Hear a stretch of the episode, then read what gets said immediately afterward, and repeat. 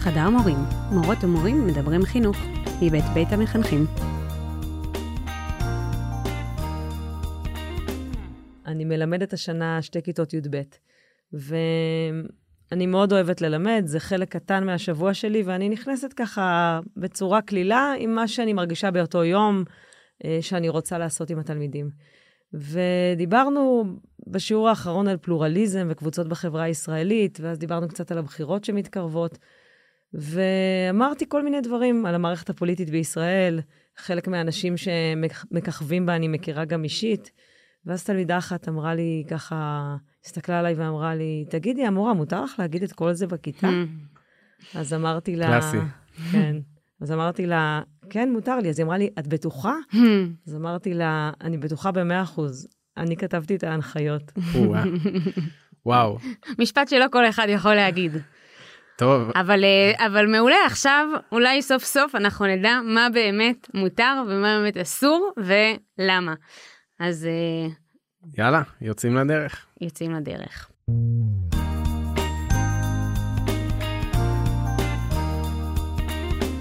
אז אה, ברוכים הבאים לפודקאסט שלנו, חדר מורים.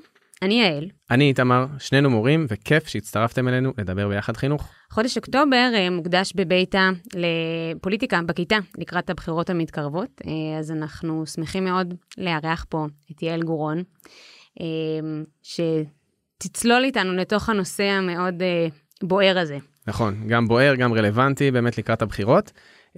אז הנושא הוא בגדול, מה אנחנו עושים עם הפוליטיקה בכיתה. אבל רגע, כמה צעדים אחורה, יעל, אולי תספרי על עצמך, אה, למי שלא מכיר, איך, איך את זאת שניסחת את הכללים.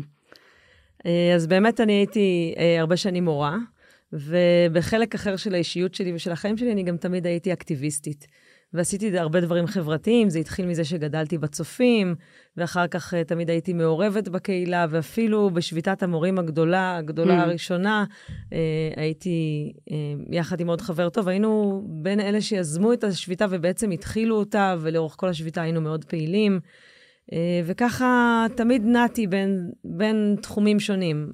אני גם מנחת קבוצות, ועשיתי כל מיני דברים חברתיים וחינוכיים. וגם בתוך בית ספר התקדמתי כל הזמן בדרגות. הייתי רכזת מקצוע, תמיד גם מחנכת, רכזת שכבה, מנהלת, ואחר כך הגעתי למכון מנדל למנהיגות חינוכית. ומשם בעצם, אה, כשנפתחה האפשרות של המכרז למפמרות, מפמ"רית Mhm. אזרחות, אה, אז אה, היו כמה אנשים שאמרו לי, בואי, בואי, תיגשי, כדאי שתיגשי, זה יכול להיות מעניין. אני, ובאמת- אני רק אגיד לטובת אימא שלי ומי שלא מורה ומאזין לנו בכל זאת, אה, מפמ"ר זה אה, מדריכה... לא, מ- מפקח. אה, מפקח מרכז. כן, מפמ"רית אזרחות זאת בעצם המפקחת הכללית על מקצוע האזרחות בארץ, וזה מקצוע שהוא בעצם משותף לכל המגזרים, הוא שונה ממקצועות אחרים, אז אני הייתי אחראית גם על ה... אה, מעניין, כי בעצם כל ההומניסטיקה האחרת היא דתי וממלכתי שונה. נכון, אז אוקיי. אני הייתי אחראית גם על בעצם... שזה מגניב שאזרחות, שדווקא אזרחות הוא לא שונה, כי היינו יכולים לחשוב שגם שם תהיה איזה הפרדה. אז אני חושבת שזה זה מש, זה מכוון כן. שהבחינה היא משותפת והספרים הם משותפים, כי יש בזה גם איזושהי אמירה שאנחנו בעצם חברה אחת, כן. ושזה יהיה מאוד בעייתי ללמוד סוגים שונים של אזרחות. אז במקצוע הזה בעצם איחדו את המשרד במקום שהוא מאוד רגיל לעבוד בנפרד. אז uh, יש שני אתגרים בתפקיד הזה, אחד זה שתוכנית הלימודים היא מאוד uh, מורכבת ומעניינת מבחינת הסוגיות הפוליטיות שיש בה, ושתיים, שזה באמת המקום מפגש כמעט היחיד בזירה החינוכית, שהוא Hmm. גם ערכי וגם... uh, אה, מגזרי, רב-מגזרי, וגם יש עליו בעצם מפקחת אחת שהיא אמורה לתת מענה לקבוצות מאוד שונות. מעניין. שזה לא פשוט אה, נשמע. כן, זה היה מאוד מעניין, וזה היה גם מאוד מורכב ומאוד אינטנסיבי. ובהחלט אה, אחר כך, כשחזרתי בעצם לשטח, גם כמורה, מתי זה היה? מתי היית מפמ"רית? ו... אה, בין אה, 2014 ל-2018. Hmm. אז uh, בעצם אחר כך אה, גם פתחתי איזשהו עסק פרטי שלי של ייעוץ, וייעוץ למנהלים, ועבודה סביב פרויקטים חינוכיים, אבל השארתי לעצמי את האפשרות גם לעבוד בשטח וללמד, וגם נכנסתי... שזה סופר חשוב. כן. זה כל כך חשוב לא להתנתק. כאילו, אפילו אם זה כמה שעות בשבוע, נכון, אבל זה מאוד uh, שונה. את יודעת, הגעתי ממקום מאוד בכיר מהמשרד לתוך בית ספר, כן. הייתה צריכה להיות מנהלת מאוד מיוחדת Mm. שתקלוט אותי, וחדר מורים שיוכל אה, להרגיש בנוח לעבוד איתי. כן. זה אחד. והדבר השני שהתפתח עם השנים מאז, זה שבאמת נכנסתי לעולם של הכשרת מורים. אז uh, היום אני מכשירת מורים בחותם, לפני Mm. זה עבדתי בסמינר הקיבוצים. אז ככה, תמיד כשאני מדברת על הקשר שלי למערכת החינוך, אני אומרת שזה כמו רכב שבעצם הייתי גם הנהגת בו, גם המוסכניקית, גם טרמפיסטית, אני גם אימא לילדים במערכת החינוך. אז כאילו, אני רואה את המערכת הזאת באמת מהרבה כיוונים. כן. וואו. אז אה, טוב, עשית הרבה, ויש פה נושא גדול, ונראה שאת הבן אדם אה, לגעת בו. אז בוא נחזור לאותה סיטואציה בכיתה, אה, המון מורים אה, נתקלו בזה, זה באמת ממש נפוץ, ומשום מה תמיד יש את התלמידה או תלמיד שקופצים ואומרים כאילו, המורה, אסור לך לדבר על פוליטיקה בכיתה, כאילו, גם באמת יש חרושת שמועות, כאילו אף אחד לא יודע. נכון. זה כזה, זה, זה מותר, זה אסור, זה, אנשים פשוט נמנעים כי הם לא יודעים. אז, אה, אז בואי תספרי לנו. אז קודם כל צריך להגיד שגם uh, בגלל כל מיני uh, uh, אירועים שחווינו כחברה לגבי אנשים שנקטו עמדה במרחב הציבורי או במרחב הווירטואלי-ציבורי, ברשתות, וראינו הרבה מאוד ריקושטים, כולל גם שימוע ופרשות שהיו מאוד מתוקשרות. אדם ורטה וכאלה. למשל, כן. כן. אז uh, נוצר הרבה מאוד חשש, בעצם נוצר המיתוס הזה שאסור לדבר בכיתה על פוליטיקה. וזה לא הדבר שכתוב בהנחיות של משרד החינוך, וזה גם לא מה שאם חושבים רגע על חינוך ברצינות, זה לא מה שאנחנו עושים, זה לא מה שאנחנו צריכים לעשות, וזה גם לא מה שההורים של הילדים יצפו מאיתנו לעשות, כי בעצם נקודת הבסיס היא שאין דבר כזה חינוך שהוא לא פוליטי, כן. ומי שהולך להוראה זה אנשים שיש להם עמדות וערכים, והם רואים את עצמם אה, מקנים את העמדות והערכים האלה בדרך כזאת או אחרת, וגם המדינה שולחת אותם עם איזושהי עמדה לגבי מה שהם צריכים לעשות בכיתה, אז אין באמת חינוך ניטרלי, ואפילו הוראה אין ניטרלית, אז uh, הילדים אומרים את זה כי uh, צריך להגיד גם שלאורך ההיסטוריה תמיד, כן, מסוקרטס ועד היום, זה מאוד מלחיץ שדמות משפיעה מסתובבת ברחובות ושואלת את הילדים שאלות ומתחילה לערער את השקפת העולם שאיתה הם באו מהבית, לא משנה לאיזה כיוון. אז החשש קיים, והסיפור, נגיד, עם, ה, אה, שנקטו עמדה וסדרות שנעשו על זה, mm. אם זה אדם ורטה וגם אחרים, זה הגביר את החשש, אבל בסופו של דבר, אה, גם המשרד עשה לא מעט פעולות, וגם כל מיני קבוצות של מורים ומורים בעצמם, ככל שהם חושבים על זה, למשל בהכשרה או בחדרי מורים, אז uh, אנחנו משתדלים ללכת, uh, אני כן אגיד בין הטיפות, כי אנחנו לא רוצים, אף אחד מאיתנו לא רוצה לגרום לסערה ולחוסר קשב ולזה ש... יש כאלה, אבל רוב המורים. לא, רוב המורים באמת לא. אבל אני גם רוצה רגע להקשות, כי את אומרת שההורים בעצם מצפים מאיתנו בסופו של דבר כן להיות דמות משמעותית ולדבר על הערכים והעמדות שלנו. ערכים אני מסכים. כאילו יש איזה, כשאנחנו אומרים ערכים זה נשמע כמו כזה משהו נורא כיפי, כזה מרשמלו ורוד שכולם יסכימו שצריך לכבד את השונה, וצריך, לא יודע מה, סבלנות וסובלנות, וכל מיני סיסמאות שככה מריצים לנו מהיסודי ומהגן. אני לא בטוח שכולם מרגישים בנוח עם המילה פוליטיקה, והיו שמחים אם ככה באספת הורים, גם המורה הייתה אומרת, כן, אני גם נורא אוהבת להכניס את הפוליטיקה לכיתה ו- ולדבר על זה, ואני חושב אפילו על סיטואציות מחוץ למערכת החינוך, שאומרים, בואו לא נכניס פוליטיקה.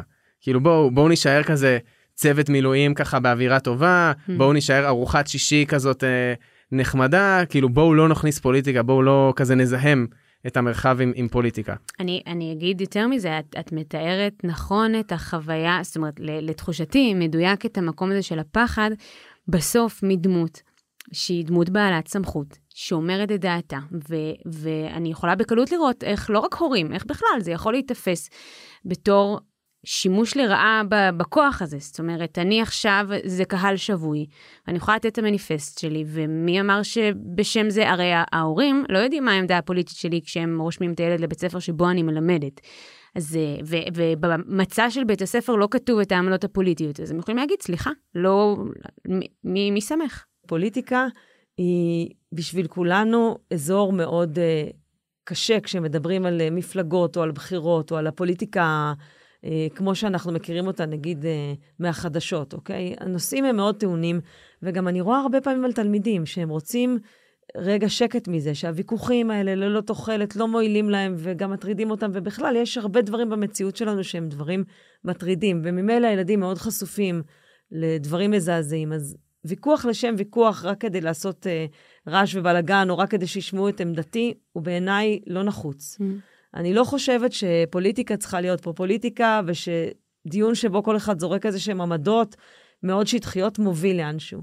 אני כן חושבת שאם אני מדברת עם הורים, נגיד, באספות הורים, ואני מספרת להם שלקראת הטיול השנתי, כמה בנות דיברו על כמה מביך אותם אה, שבנים מסוימים מתנהגים בדרך מסוימת, ודיברתי איתם על איך הן יכולות לפרש את זה ולהתמודד עם זה.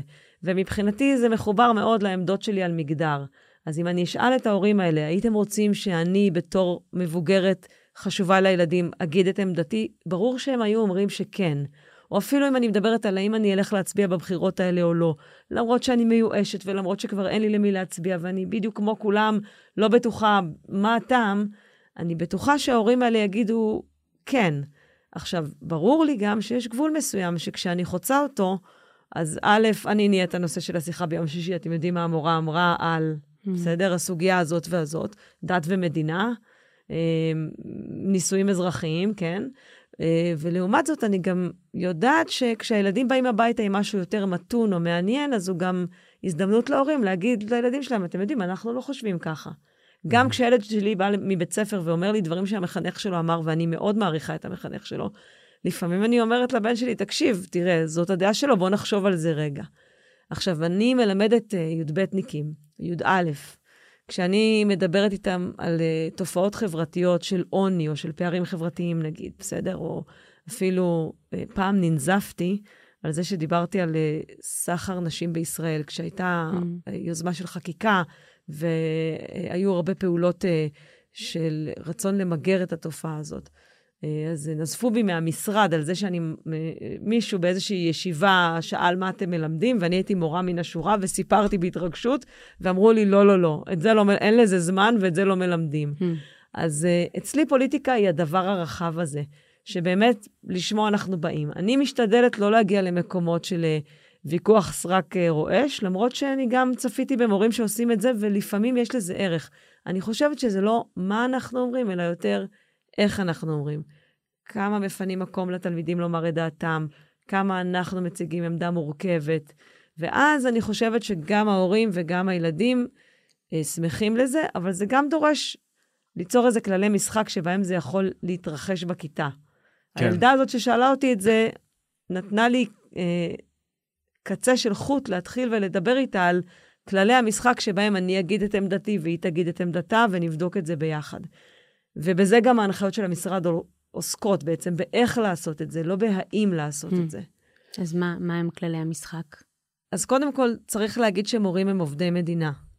ואפרופו השאלה שלך אה, על ההרגשה שאנחנו נותנים את הילדים שלנו בידי דמויות משפיעות, אה, גם המשרד לא מתעלם מזה שמורים, ואני אגיד גם את האמת, מחנכים ומורים לאזרחות הם אנשים עם הרבה כריזמה. ולכן כן מבקשים מהמורים להיות מודעים לעצמם ולשים לב. Mm-hmm.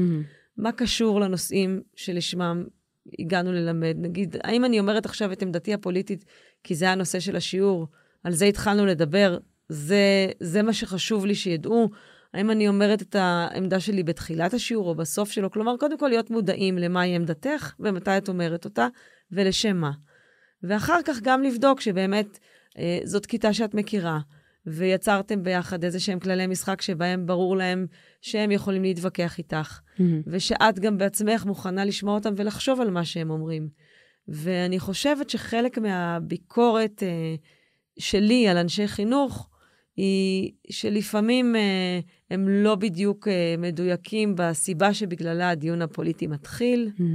וגם לא ב- לאן הם רוצים לחתור איתו.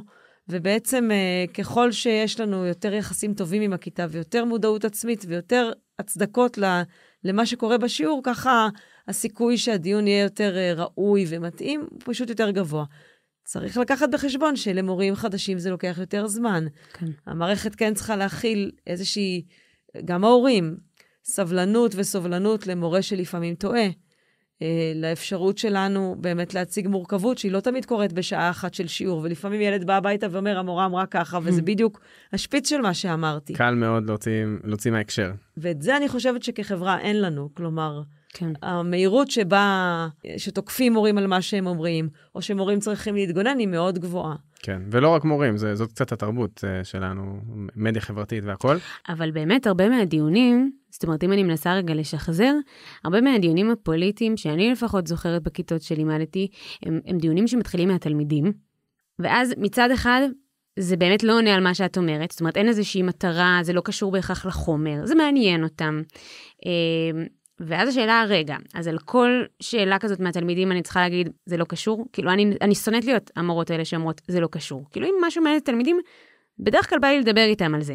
אבל אז השאלה אם אני לא באמת, אה, נגיד, תלמידים שואלים אותי, למה את מצביעה? היית עונה? אז אני אגיד שקודם כל, אחת, אחת הסיבות שבגללן אני נינוחה בהוראה ונהנית ממנה, זה כי הגעתי לדרגה כזאת שאני יודעת את החומר ויודעת אה, את הבחינה, ככה שכל שיחה סתמית עם התלמידים, בלי שהם שמו לב, בסוף למדנו את מה שרציתי. נגיד, היום אני ממש הרגשתי בשיעור, דיברנו היום על הכרזת העצמאות, על המסמך, על המטרות שלו, וראיתי איך uh, השיעור עבר בלי שהם ירגישו, וחלק מהתלמידים אפילו אמרו, רגע, אנחנו לומדים עכשיו את החומר או לא? ובמובן הזה, את ואני נהנות מלחשוב על זה ככה, אבל חלק מהתלמידים זה גם מלחיץ אותם, היא לא הכתיבה כלום, לא כן. לא בטוח שהבנו על מה ניבחן. אז uh, אני מרגישה מאוד uh, נוח היום בתוך המקצוע, שאין כמעט רגע בשיעור שהוא רגע סתמי. Mm-hmm. תמיד אני מדגימה מהחיים שלי משהו חשוב, חושבת על החיים שלהם. אני קושרת את הנושאים באזרחות לקניות שלהם בקניון ולמה שהם ראו בטלוויזיה, ככה שזה תמיד uh, מאוד מעורבב. Uh, לגבי השאלה למה אני מצביעה, אז uh, קודם כל, uh, אני כאדם פוליטי, אני יעל, הנושא של הסכסוך, שהוא באמת מה שמעניין אותם, אה, אה, פלסטינים, כן. אה, אם אני קוראת לזה כיבוש או התיישבות, ואיך אני חושבת שצריך לפתור את המצב, בתוך העולם הפוליטי שלי זה פלח קיים, אבל לא מרכזי. Mm-hmm. וכששואלים אותי מה אני מצביעה, אז קודם כל אני חייבת להגיד שאני קצת כל מערכת בחירות מתלבטת, mm-hmm. ושמה לעצמי כמה קריטריונים, וככה בודקת את עצמי כל הזמן, ולפעמים אני מגיעה לגמר עם איזה שתי מפלגות, ובסוף אה, אני והבן זוג שלי אומרים, אוקיי, אלה השתיים, בואו נחלק את ההצבעה בינינו. אז כאילו, מהבחינה הזאת, זה לא שאני, יש לי איזו תשובה ואני מסתירה אותה. האני האותנטי שלי זה שבחירות זה מאוד חשוב, אבל אני כאזרחית הרבה יותר... uh, מחשיבה את הפעולות שלי בין בחירות לבחירות. אני מאוד אקטיביסטית. זה... אני כן. מאוד זה, פעיל. זה קצת נשמע טיפה כמו התחמקות.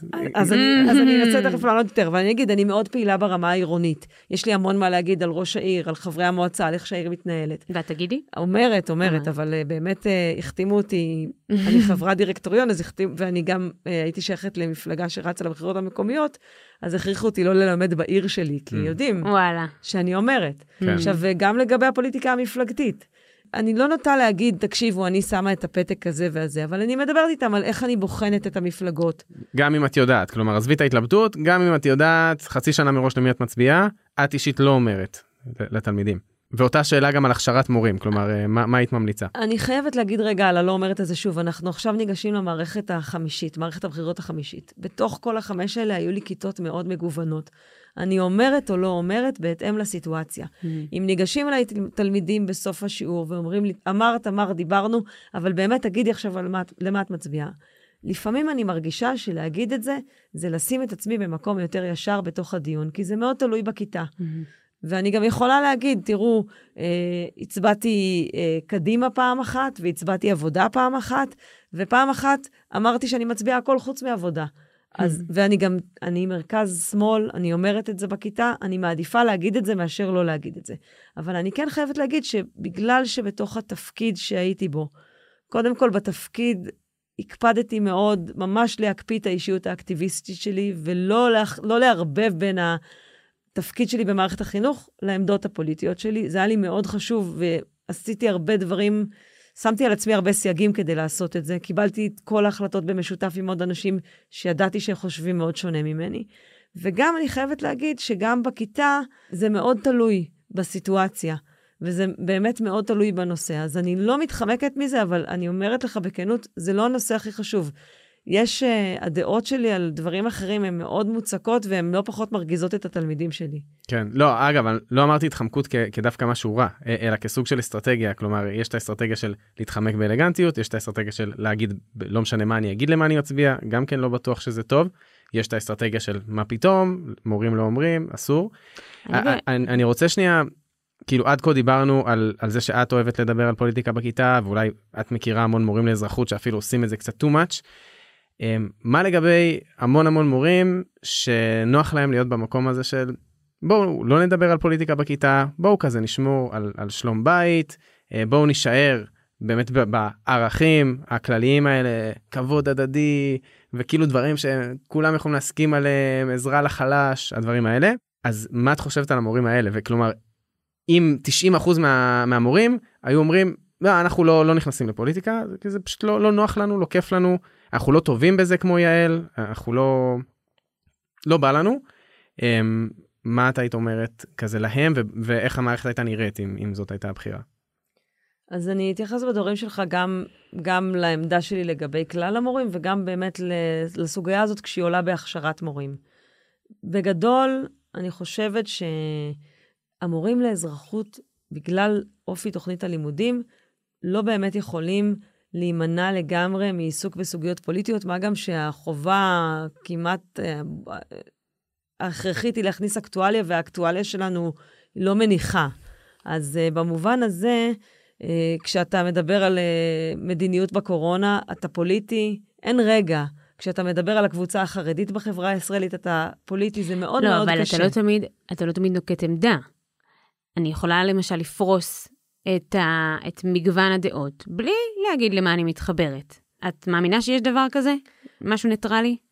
את מלמדת אזרחות? לא, אני לא מלמדת אזרחות. יש גם הבדל בהתפתחות של מורים לאורך השנים, כמו שאמרתי קודם, ולכן בהכשרת מורים, קודם כל, אה, מציבים את האפשרויות של איזה סוג מורה אתה רוצה להיות כשאתה דן בפוליטיקה בכיתה. Mm. האם יש לך עמדה אידיאולוגית אה, שאתה רוצה להנחיל אותה?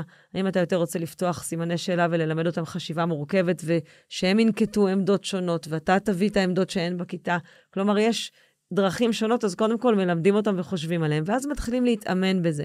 עכשיו, בסופו של דבר, שיעור באזרחות שאין בו שום עיסוק בעמדות, הוא שיעור מאוד מאוד משעמם. וגם אחת המטרות שלנו, כדי שיצאו אזרחים מעורבים, מודעים, שמסוגלים להשתמש בכוח שלהם, זה שינקטו עמדות בתוך השיעור. אז קודם כל, המטרה באזרחות היא שיהיו עמדות, והעמדות האלה יהיו נושא לבדיקה ושיח בשיעור.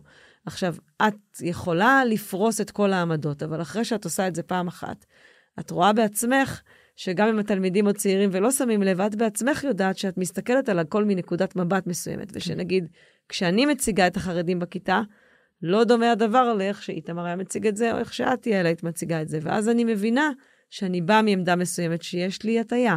ואז אני מחפשת דרכים לחשוב על הטיה הזאת, למגר אותה, להראות אותה לתלמידים. כי אוקיי, זאת, זו דרגה מאוד גבוהה, מה שאני אומרת עכשיו, אבל נגיד, אני פעם ראיתי, כשהייתי עם מורה צעירה יחסית, הבאתי לכיתה מאמר של בן דרור ימיני, שמאוד לא הסכמתי איתו. אבל uh, הוא עסק, ב, uh, נדמה לי, בנושא של הצתת uh, מסגדים ובתי כנסת, משהו כזה, זה היה מאוד מזמן, ואמרתי לעצמי, אני רוצה לנסות לקרוא את זה עם התלמידים ולראות מה יקרה. Mm. ואני לא בטוחה אם אני ארגיש בזה נוח, אבל הוא נקט עמדה מעניינת על נושא שהיה, שהעסיק אותי, ורציתי לראות מה יקרה. וראיתי איך תלמיד שמעולם לא דיבר בשיעור קודם, פתאום התעורר והתבטא. ואני בטוחה, ואני יודעת את זה, הרגשתי את זה כבר אז, שזה קשור לאופי הצגת הטיעון. יש באופי הצגת הטיעון את העמדות המובנות שלנו, והעמדות המובנות שלנו משפיעות על הכיתה. אז כשאני מסתכלת על הכשרת מורים או על מורים צעירים, אני מבינה את הפחד ואני מבינה את הקושי, ובאמת צריך לצבור בזה ניסיון. וגם אני יודעת שאני היום ללא פחד, כי אני מכירה טוב את המערכת ואני לא דואגת. ואני מבינה שלא כולם כאלה, אבל כשעושים הכשרה או השתלמויות או חושבים על זה, אז המטרה היא שכולנו נבין שהפוליטיקה נמצאת בכל מקרה בפנים, ואין דבר כזה פריסה אה, אובייקטיבית, ניטרלית של כל הדעות באותה מידה. זה כן. נראה לי אפילו קצת אה, יהיר לחשוב שאני יכולה להציג עמדות שאני לא מסכימה איתן או לא מכירה אותן, טוב כמו עמדות שאני חיה לפיהן וחשבתי עליהן כל החיים שלי. אני רק רוצה לחדד שאני, ברור שמורים לאזרחות, אבל השאלה כאילו אם, אם פוליטיקה בכיתה זה, זה התפקיד של המורים לאזרחות, או שזאת איזושהי ציפייה ערכית מכל המורים.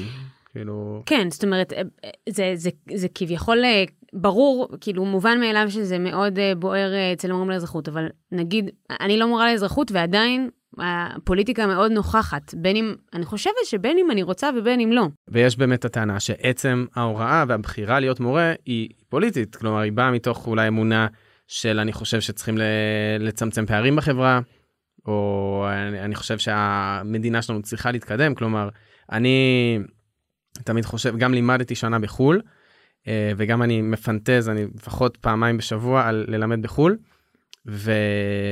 ויש בזה משהו הרבה יותר נוח, כי אתה, אתה לא, אתה לא חלק מהפוליטיקה שם, זה הרבה פחות אישי, וכאילו שם אתה יכול באמת להיות מורה, כלומר, הוראה, אני מעביר חומר והולך הביתה.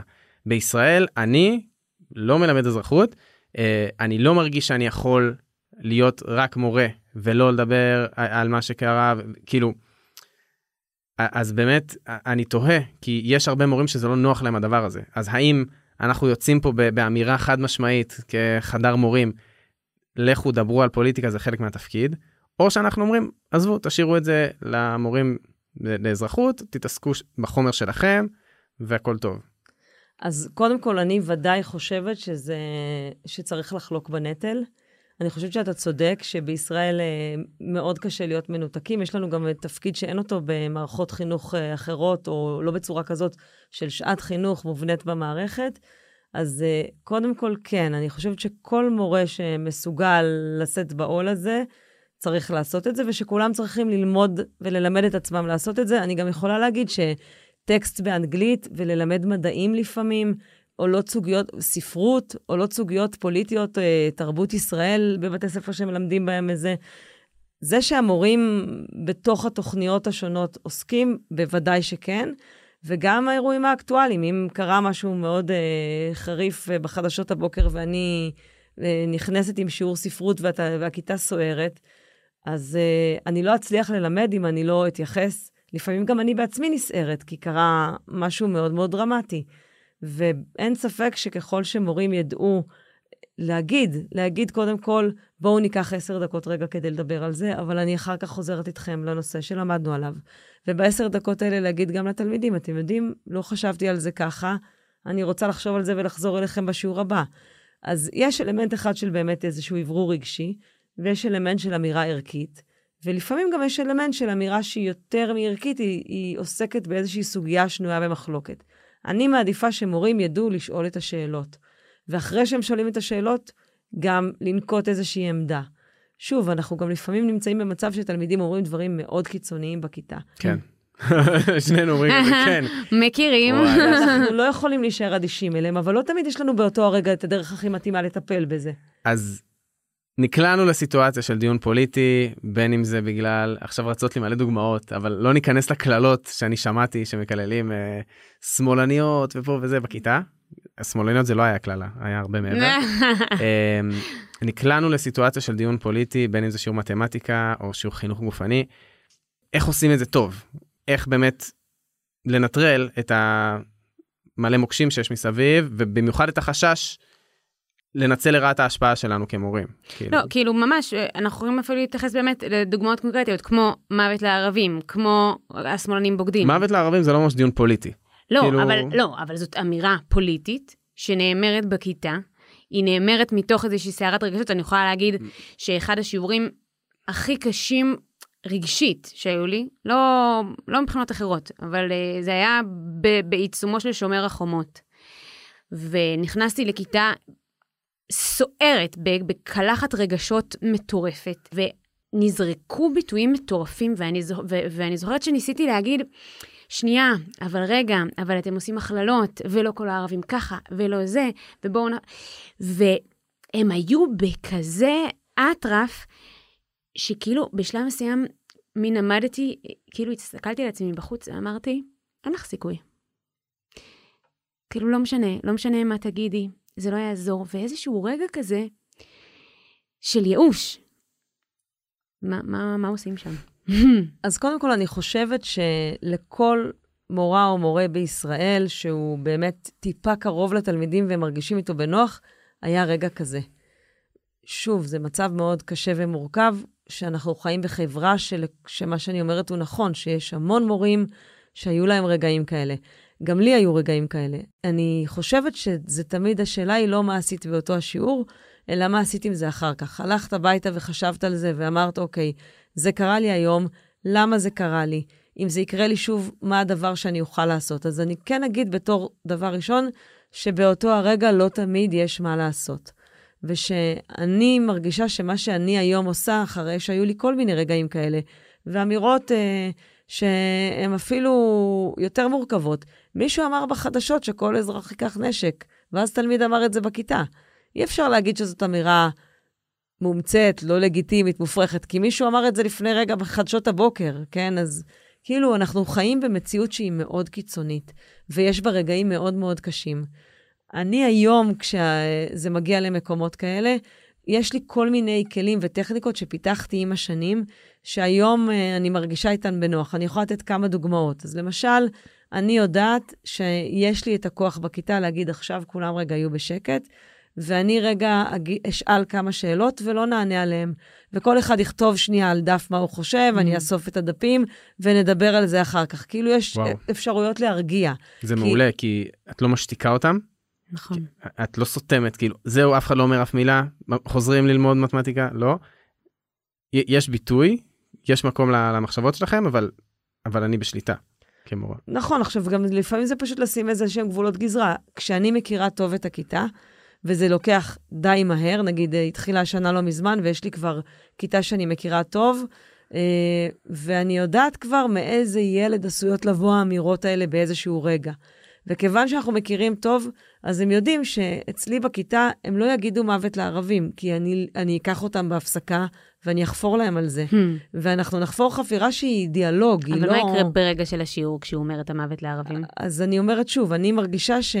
למשל, פעם אחת ניגש אליי עכשיו תלמיד, את יודעת, אנחנו גם לא להכל מודעות ומסוגלות כל הזמן. ניגש אליי תלמיד ואמר לי, המורה, אני חושב שכשדיברת, את רמזת שאני אולי גזעני, אני רוצה להגיד לך שאני לא גזעני. פעם אני הייתי גזעני, אני התבגרתי מזה, היום אני לא ככה, תתני לי הזדמנות. עכשיו, אני, אה, למען האמת, לא שמתי לב, לא יודעת מה אמרתי שגרם לו להגיד את זה, אבל הדבר הראשון שאמרתי לו זה קודם כל, תודה שבאת להגיד לי את זה. אני אחשוב על זה, ואני אשים לב אם פיתחתי איזושהי עמדה כלפי משהו שאמרת שהוא כזה. וכבר אני יודעת מי הוא והוא יודע מי אני, ולכן בכיתה שלי לא יגידו, כי הם מרגישים ממני שזאת אמירה שטחית שלא עומד מאחוריה כלום. שהיא הכללה גסה, שהכללות כאלה, אם עושים אותן, אני הרבה פעמים נותנת דוגמאות מהחיים שלי. אין לי בעיה גם רגע לקחת את המושכות ולתת איזשהו מונולוג על... Uh, כשאני ילדתי את הבן הבכור שלי, אז uh, בבית חולים, יש את המקומות בחברה הישראלית שאנחנו פוגשים את כולם. בבית ספר שאני מלמדת בו בנס ציונה, לא פוגשים את כולם, בסדר? ערבים אין בכיתה ואין בבית ספר. אבל כשילדתי, אה, כבר לפני כמעט 15 שנה, אז uh, הייתה לידי יולדת ערבייה, ובאמבטיות של התינוקות בחדר לידה, שמים את כל התינוקות, ויש איזה רגע ביום הראשון והשני שהם כולם נראים אותו דבר. נכון. והיה איזה רגע שאמרתי לעצמי, אולי הייתי קצת תחת ההשפעה של הלידה. אמרתי לעצמי, אם בטעות אני אקח את התינוק שלה, כאילו, היה לי איזה מין שרעפים כאלה, חצי בלבול. וכשאני מספרת את זה בכיתה, אז כאילו, ישר כולם מתחילים לחשוב את המחשבה, רגע, אדם שנולד ערבי. אז בדם שלו זורמות העמדות שלו או המעשים שלו. כשאנחנו נולדים לחברה מסוימת, מי אנחנו? אז יש לי כמה סיפורים כאלה שאני יודעת מתי לספר אותם, וכשאני מספרת אותם נפתחת שיחה hmm. על מה שהם שומעים בבית ומה שהם חושבים על החברה הישראלית.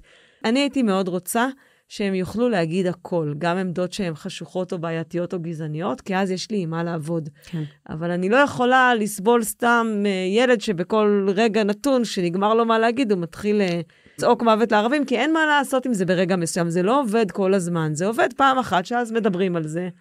זה, וצריך להגיד, הם, הם גם גדלים כבר, הם הולכים לצבא עוד מעט, הם... אה, בסופו של דבר, אני, הם הולכים להצביע, הם נוסעים לפולין. הם מפתחים איזושהי ראייה מורכבת כי הם עוד שנייה מבוגרים. אבל את אומרת כאילו הבעיה הראשונה שלך בעצם עם האמירה מוות לערבים, היא שזאת בעצם לא אמירה אינטליגנטית. כלומר, שאם את מלמדת אזרחות, כלומר, זאת, זאת לא טענה שיש מאחוריה משהו, זאת סיסמה. אז את באמת היית מעדיפה שבכיתה יגידו לצורך העניין איזושהי עמדה גזענית, פשיסטית, הרבה יותר מנומקת ומסודרת, כאילו אני לא רוצה סתם להגיד עכשיו משהו, כי זה קלאסי שיוציאו את זה מהקשרו, אבל שעל על בדיוק מה צריך לעשות לערבים ולמה צריך לעשות להם את זה ואיך. אמ, כלומר, לצורך העניין, עמדה שהיא לא הייתה לגיטימית שפוליטיקאי יגיד, ש, שאם הוא היה אומר, הוא היה מסתבך. אה, יש כלומר... פוליטיקאים שאומרים. תראה, אני אתן כמה דוגמאות, כי שוב, אנחנו מדברים, אה, אני יכולה להגיד ש... קודם כל, כשמנמקים עמדות גזעניות ומנמקים אותן לעומק, אז מתחילים לשאול, בדקת נתונים, בוא נבדוק, בוא נסתכל על זה. עמדות גזעניות ל- לעומק, שוב, בשיעור שלי, לדעתי, לא מחזיקות מעמד. הן הופכות להיות מורכבות. עכשיו, יש לי שני דברים, נגיד, אני נותנת לגיטימציה לפחד מערבים, mm-hmm. ואני גם נותנת לגיטימציה ל- לשנוא מישהו שאני מפחדת ממנו. אבל אז אני מתחילה להפוך את זה ולשאול, מה זה אומר לשנוא מישהו? או מה זה אומר לפחד ממנו? ומה זה אומר לכל האנשים שבעצם, באמת, גם הם מפחדים וגם הם לא עשו כלום. עכשיו, לי באופן אישי, יש, עבדתי עם אנשים ערבים במסגרת התפקיד שלי. הייתי מפקחת עליהם, נסעתי לבקר אותם בבתים שלהם. יש לי חברות טובות אה, ערביות שהכרתי במנדל, אז יש לי דוגמאות למקומות שגם ערבים מאוימים, מאוימים מיהודים, ולמקומות שגם uh, ערבים רוצים מאוד לחיות ביחד. יש לי סיפורים שאני מספרת, אני פשוט מאוד בקיאה בזה. עכשיו, מצד שני, אני גם מתמודדת עם אמירות, נגיד, uh, הרי היה את כל הסיפור של הסיפוח, או יש עדיין את הסיפור של הסיפוח. כאילו, אני אגיד, היה לנו ראש ממשלה שאמר, עוד רגע אני מספח, והיה מצד שני נשיא אמריקאי שאמר, יאללה, נספח, ובסוף לא היה סיפוח, אבל התחיל דיון. אז ישב אצלי ילד בכיתה לפני כמה ימים ואמר, כן, סיפוח, והתחיל להסביר למה. ואז פשוט התחלנו ביחד לשאול על זה שאלות, ואז אתה מגיע למקומות שהם לא יודעים והם לא בדקו. והם הולכים לבדוק, והם חוזרים אחר כך בשיעור הבא עם תשובות. גם אני לומדת ככה. Mm-hmm. אנחנו פשוט אה, הולכים בדרך. זה ממש, אני כאילו שומע ממה שאת אומרת, שאת ממש משתמשת בשאלות ככלי, ממש מזכיר את סוקרטס, ובעצם את הצורת חשיבה הזאת של פחות להגיד אתה טועה, או זאת עמדה לא מדויקת לצורך העניין, אלא יותר לשאול, ודרך זה... נכון, כאילו... אני גם בעצמי נעה בין, המק... בין שני מקומות. מצד אחד, אני יודעת שככל שגיבשתי עמדות יותר ברורות לי, ככה יותר קל לי לנהל דיון, כי אני לא מתרגשת ולא נסחפת, כי אני כבר ליבנתי אותם עם עצמי. מצד שני, אני מאוד משאירה מקום לחשוב פתוח, גם בעצמי. נגיד, לימדתי את שלטון העם לפני כמה ימים, על הכל אני אומרת לפני כמה ימים, כי אני פשוט מלמדת בלי סוף. כל שלוש שעות בבית ספר הם עולם, אז uh, שלושה עולמות. אז לימדתי את שלטון העם uh, לפני כמה זמן, ואחד התלמידים ממש התעקש שאם הפוליטיקאים משקרים כל פעם, אז זה בעצם פוגע בעיקרון שלטון העם, כי העם לא mm. באמת יכול להחליט למי להצביע. עכשיו, אני מכירה את החומר, אני מכירה פוליטיקאים. זה לא טיעון שאני מקבלת אותו, שבגלל שבפוליטיקה חלק מהמשחק זה להגיד דברים שלא תמיד אתה מסוגל, או את מסוגלת לקיים אחר כך, או לא תמיד את מתכוונת לקיים אותם, שזה שומט את הקרקע מתחת שלטון העם. אני לא מסכימה עם זה. אבל אחרי שהוא התעקש, ואני עניתי והוא ענה, אמרתי לו, אתה יודע מה? אני רוצה לחשוב על זה. ובמובן הזה, אני משאירה אצלי תמיד איזשהו מקום, גם לספק עצמי, גם ללכת ולקרוא עוד על הדברים. הנושאים האלה הם נושאים רחבים, הם, אה, הם, זה תחום דת שמורכב מהרבה תחומי דת, זה סוציולוגיה ופסיכולוגיה ומדע המדינה ופילוסופיה. אז אני האחרונה שאומרת, אני יודעת את הכל. ולפעמים אני גם חוזרת ואומרת, אתם יודעים, בפעם שעברה אמרתי א', ואחר כך חשבתי על זה, ואני לא אוהבת את מה שאמרתי. אבל פה... שזה מדגמן חשיבה ביקורתית ומודעות עצמית גם כלפי הדעות שלך. ומוכנות להשתנות, נכון. עכשיו, כן. אני, פה אני חייבת להגיד שבזה יש בחברה שלנו, כמו שאמרתי קודם, פחות סבלנות לזה. כן. כי לא, לא בטוח שעד שאני אגיע לשיעור הבא, לא כבר מישהו יגיע למנהלת. Mm-hmm. כן. אני, אני מאוד מזדהה מהמקום שבאמת בתחילת הדרך היו, אני חושבת, הרבה יותר אמירות, שהאמירה שלי הייתה, לא מדברים ככה בכיתה שלי.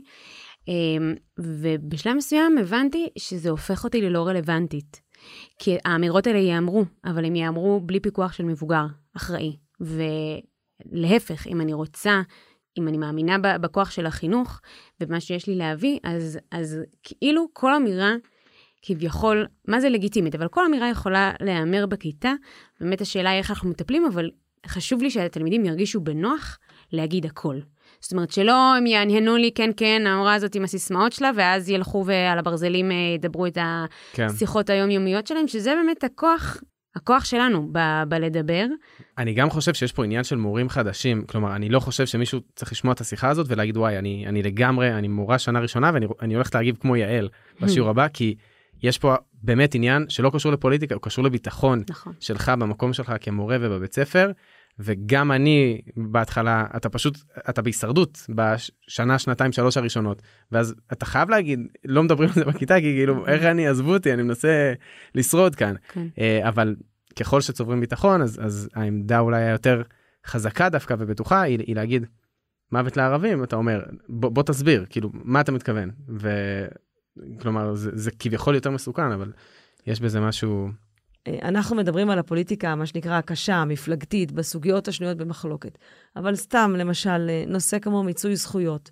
אני כבן אדם מבוגר מתמודדת עם הרבה בירוקרטיה סביב עצמי, סביב אנשים אחרים, סביב הילדים שלי, ולפעמים לתת דוגמה ל- לילדים בכיתה על איך עמדתי על זכויותיי מול קופת חולים כללית. זה הכי פוליטי בעולם. Mm-hmm. או איך uh, התמודדתי עם uh, שיחה מהבנק שבה מי שדיברה איתי מהצד השני התעקשה לדבר במובנים, ש... במושגים שאני לא מכירה. ומה עשיתי אחר כך כדי לדעת לענות לה ולדעת לבדוק את הדברים. כלומר, אני בסופו של דבר מביאה את הכוח שלי ואת ההשפעה שלי כדי לתת להם כוח. בסופו של דבר, המטרה המרכזית שלי זה שהם יהיו ריבונים, שהם יהיו בעלי כוח במרחב הציבורי, שהם ירגישו שבסוף פוליטיקה זה הכל בני אדם, והפקיד שגרם להם עוול, אפשר להתלונן עליו, ולהתווכח עם מישהו, או לעמוד מול מישהו שמזיק לי, זה דבר שאני מסוגלת לו. וכדי לתת להם את הכוח הזה, אני צריכה לאמן אותם בלהשתמש בכוח הזה, להראות להם איך אני משתמשת בכוח שלי. כי פוליטיקה בסוף זה משחק של כוח, ויש לי אינטרס שהם יהיו אזרחים מודעים ופעילים. אפילו אני אגיד יותר מזה, אני עכשיו מלמדת בבית ספר שיש לי בו כיתה אחת מאוד חזקה. חזקים כלכלית, חזקים אה, לימודית. ואני אומרת להם, אני מלמדת את המושג עילית המשרתת. מבחינתי, הם צריכים בכוח שלהם להשתמש כדי לייצר חברה טובה יותר, ולא mm-hmm. רק כדי לדאוג לעצמם. אז מבחינתי, אה, להיות אה, פעילים במרחב ולחשוב עליו ולשחק איתו, אני רוצה לאפשר להם את זה בכיתה. אני גם מאפשרת את זה לעצמי בכיתה, ואנחנו גם עושים על זה קצת רפלקציה, אז אני נכון, זה עניין של ניסיון. וזה משהו לחיים, זה אבל, מה שאת אומרת. אבל כאילו... בסוף, עם זה אני רוצה להוציא אותם. כן. טוב, דיברנו על המון דברים, אה, ומחשבות על הוראה ועל התפקיד שלנו ועל החברה שלנו. אה, איזה מחשבה קצרה לסיכום, כזה, מה, מה אתן לוקחות מפה? אז אני אגיד משהו לא, לא כמחשבה מסכמת, אבל משהו שאני הולכת איתו. אה, אנחנו מארגנים פאנל לקראת הבחירות בבית ספר. אה, כשהפרק יצא זה כבר יהיה אחרי, מקווה שיהיה מוצלח, אבל המחשבות שמעסיקות אותי עכשיו, זה מאיזה מפלגות אנחנו מזמינים, וכמה מפלגות. ואם באופן אישי אני נוטה למתינות, ובא לי לקדם את זה. זה המקום שלי, ואם אני יודעת בוודאות שרוב התלמידים שלי בעד מפלגות קצה, שאני באופן אישי מאוד לא מזדהה עם העמדות שלהם וחושבת שחלקן גם מסוכנות. האם, האם להביא אותם? זאת אומרת, אה, מצד אחד, הרי אני לא אביא את כל המפלגות, אז כאילו זכותי, אני יכולה לבחור חמש מפלגות שככה, סבבה, לא כולם בדיוק אה, כוס התה שלי, אבל הם באיזשהו מנעד מתון יותר. ולהשאיר את השוליים אה, בצד, כן. אבל השאלה היא, מה, מה הבחירה הנכונה פה? כאילו, אם אני יודעת שברגע שאני אזמין איזשהו מועמד כזה קיצוני שסוחף אחריו, אז תלמידים יהיו בהיסטריה, וזה, וכאילו זה יגנוב את כל הדבר, ו... אז רגע, אני לא, אבל מי אני? שאני כאילו לא אביא אותו כדי שהם לא... מה קורה פה? המחשבה המסכמת שלי לשיחה, שבעצם אה, אני רוצה גם להגיד משהו על מתינות. אה, אני אנסה להגיד את זה אולי משני כיוונים. כיוון אחד הוא ש... אני לא רוצה ולא מאמינה שהמורה הפוליטי הטוב הוא המורה שהפוליטיקה שלו היא להיות מורה בכיתה. כלומר, מבחינתי, חלק גדול מהמתינות שלי בכיתה הוא כי ההוראה שלי היא לא המעשה הפוליטי שלי. אני אדם פוליטי ויש לי המון מעשים פוליטיים מחוץ לכיתה. כשאני באה לכיתה, אני באה לשוחח איתם על, לא לעשות את המעשה הפוליטי שלי בתוך הכיתה. Mm. והרבה פעמים, גם כשהייתי בתפקיד מפמ"רית, היה חשוב לי לעזור למורים לעשות את ההבחנה הזאת ולהגיד, מורה שהפעולה האזרחית שלו היא להיות מורה לאזרחות, הוא לא מורה מספיק טוב, כי הוא עסוק בפעולה האזרחית שלו ולא בפעולה של להיות המורה של הכיתה הזאת. ואני באמת, את הלהט האקטיביסטי שלי עושה בעולם. וכשאני באה לכיתה, אני מדברת על הדברים ונותנת דוגמאות, אבל לא שם שדה הפעולה שלי. Mm-hmm. וזה מביא להוראה שלי מתינות. כי זה לא להיות או לחדול, זה לא שאם אני לא אחנך אותם שם, לא השפעתי על החברה הישראלית. זה לא, אני משפיעה מאוד על החברה הישראלית בזירות אחרות. זה אחד מהכלים למתינות. והדבר השני זה שיש לי גבולות מסוימים, שאני מאוד קשובה לעצמי. נגיד, הזמינו אותי להנחות פאנל בחירות בבית ספר אחר, לא בבית ספר שלי. וחשבתי על זה, ואמרתי לא, כי אני מרגישה שזה לא יהיה עם טעם. Mm. שאני אגיע שם למקום זר, שלא מכירים אותי בו, שדברים שאני אגיד עשויים להיות, להיות יוצאים מהקשרם, שאני אנחה שיחה שהיא לא בעיניי אה, מובילה למחשבה, אלא באמת מלהיטה את היצרים יותר מכל דבר אחר, ואני לא רוצה לשתף עם זה פעולה. וגם אה, עכשיו אנחנו בונות את המבחן הראשון השנה, והביאו לי המון שאלות מבתי ספר, ואמרתי, לא, מבחן צריך להיות טיפה יותר מחנך למשהו. לא כל שאלה שמטריפה את הדעת באזרחות מתאימה למבחן. Mm-hmm. כאילו, לראות mm-hmm. מה עושים, איפה ומתי. המידתיות הזאת היא הדבר המסכם שצריך להגיד, אחרי כל המסע הפוליטי הזה, צריך גם להגיד משהו כזה, שכאילו שם גם לעצמי איזה גבולות ואיזה שקט, וממוקד במה צריך לעשות בכיתה ומה לא צריך לעשות בכיתה. המחשבה המסכמת שלי הייתה שממש אהבתי את הדוגמה על האקטיביזם בקטנה הזה של הקופת חולים ולמצות זכויות. לא חשבתי על זה אף פעם כפוליטיקה בכיתה או כאיזה שיעור לחיים, אבל זה שיעור ממש חשוב לחיים. שכאילו חלק מלהיות בן אדם וחלק מלהיות מורה וחלק מלהיות אזרח, זה לדעת מה הזכויות שלי ולהילחם עליהן. אה, וזאת פעולה פוליטית, אפילו אם היא לא מפלגתית. אה, אז זה משהו ש... שאני אקח ואני אנסה לעשות יותר. טוב. אז אנחנו היינו חדר מורים, כיף גדול שהייתם איתנו היום, ותודה גדולה ליעל גורעון שהייתה איתנו פה. תודה רבה, היה ממש כיף ומעניין. Uh, תודה לבית המחנכים, השותפים שלנו בהפקת הפודקאסט הזה. ותודה למרכז פואנטה בירושלים על האולפן והסיוע. אנחנו נהיה כאן שוב עם פרק חדש בעוד שבועיים, ובינתיים ממשיכים לעשות חינוך. יאללה ביי. ביי.